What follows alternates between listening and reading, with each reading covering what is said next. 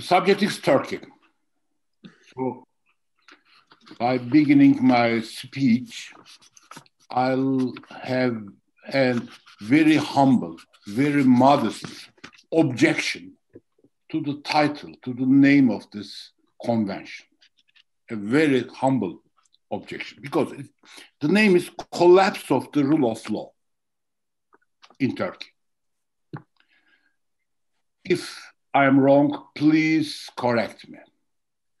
The word collapse and this formula, collapse of the uh, rule of law in Turkey, if I understand correctly, it does not mean that this concept, the rule of law, did jadis existed in Turkey. And for miscellaneous reasons, it no more exists. I think that's a misconception of Turkish legal system. The rule of law in Turkey did never exist in the past, does not exist today. I'm very pessimistic. I'm sorry for this, excuse me. And probably it will never exist tomorrow. I will try to explain why I said the, thing, the things in this way. I admit that the days we are passing through is the really worst imaginable days of the history of the rule of law in Turkey. But that's just a question of degree. That's just a question of degree. It was really, it was not something brilliant in the past. So I can remember what we lived in the country since my childhood. Those days are the worst days, imaginable worst days. Tomorrow never knows, but I'm not very optimistic for tomorrow. I will explain why. I'm an economist. I have an approach to the concept of uh, to the legal concepts. So I will use economic terminology to explain the non-existence, to describe or to explain the non-existence of the rule of law in Turkey. Or the lawyers, I think this presentation looks a little bit funny, but rule of law is a good. Like, like all other goods, rule of law is a good, like a car or the defense. Rule of law is a good because it is produced within the country. And with the economists, we call something produced within the country, we call it a good. There are private goods like the car. There are also public goods like justice, like rule of law. Rule of law so is produced by the country by the citizens, by the institutions. So it's a good, but it is not a private good, it's a public good. But at the essence of the thing, for a good to be produced, this good, a private good or a public good, it doesn't change. For a good to be supplied, to be produced, I mean the rule of law, we need a demand for this we need a demand for a good to be produced. It is the same logic for private goods and also for the public goods. For example, let's think about a car. If a car is not demanded by the citizens, there will be no supply of this kind of car. No demand, no supply. I think in Turkey, Turkish electorate does not demand, does not demand in sufficient quantity the concept of the rule of law. But this lack of demand by the electorate, by the citizens, is not a problem of ignorance. There's not a pro problem of, I don't know, the, because most of the people are illiterate. No, no, no. The, the, the economists call it rational ignorance. For you, for you to demand a good, public or private good, once you consume it, you have to be an expectation of utility of this. When you consume a good, when you consume a smartphone, you have an utility. The rule of law is like a smartphone. When you consume the rule of law in a country, you have to have an utility of this. But if we make a very, I'm sorry for the term, a scientific dissection of the society, scientific dissection, because our constatation is that the society, as I won't say as a whole, but at least more than 80%, they don't have a private interest in the production of the rule of law in the country. So they don't demand it. If something is not generating an utility, you don't demand it.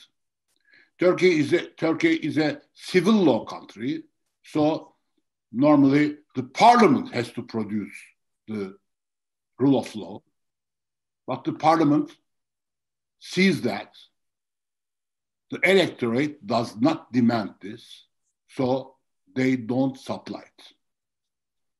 It was the case for yesterday. That's that's the case today and probably it will be the case for tomorrow. That's a, we are through very catastrophic days, very catastrophic days concerning the rule of law. But if the polls are not very, very biased, we see that the ruling party has at least 40% of the votes. 40%. Mm-hmm. It's something inimaginable unimaginable, unthinkable. But that's the that's the truth. That's the reality.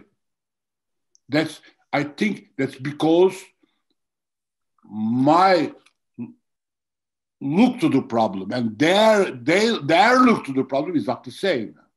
For them, for them, the production of the rule of law brings them a disutility. Mm-hmm. Me, I am expecting the production of the rule of law for myself for myself, for my family, but for a huge majority of the country, even from the opposition side, the production of the rule of law will not generate an utility for them. If you have a question, I can try to explain it. The, the non existence of the rule of law is not a is not a is not the business of a small minority, let's say 20 25 percent, who is oppressing the society, who is no. The people themselves, they are not demanding this.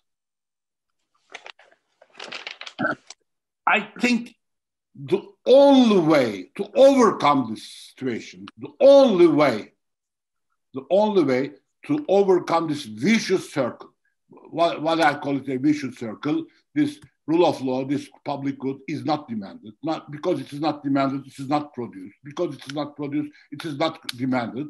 So it's a kind of vicious circle. The only way to overcome this vicious circle is Turkish full membership to EU. I will, I will try to, to explain it by an old Greek term, not Greek term, it's a Latin term, but used in Greek terminology, in Greek uh, ex theaters, ex uh, tragedies, Deus ex machina. The existence of the rule of law can only be valid in Turkey by Deus ex machina. So it means some superpower bringing it without being produced by the infrastructure. And this system is only the EU membership of Turkey. The EU membership of Turkey to the EU. Just why? I see, I see this story since 30 years mm-hmm. with a professor of economics. So in the last 20 years, I had very serious problems with Turkish people. And I always say the following whatever the conditions are, whatever the concessions they demand, we have to be a part of it. If we are not a part of it, the future will be a, will be a catastrophe, a disaster for us. And I am very unhappy, but I think I was right. Yeah, I don't know. Uh, Mr. Harrington, uh, Mr. James Harrington, uh, thank you very much. You, he mentioned a golden age of Turkish judiciary, for example, probably between 2000 to 2010. Mm-hmm. I'm married with a lawyer, so she was she was a judge. Uh, so I know a little bit the situation among the judges, among the judiciary. Even in the golden ages of this, between 2000 to 2010, we were making some surveys among the judges. And we were asking the following question. If in a case you are in a dilemma, you are in a dilemma between what we call the state interest and the highest values of the rule of law, which one you will prefer? 70% of them, they said, we will prefer the interest of states. Even in the even in the really golden age of the judiciary. I am pessimistic, but I'm also realistic, I think. That's I'm uh, so what I say to all my Turkish friends, let's do the impossible, let's do the impossible to overcome this, those problems with EU. I am living in France, and in French, we, we have a perfect idiom. L'impossible n'est pas français. L'impossible n'est pas français. Thank you very much, dear colleagues. Thank you very much.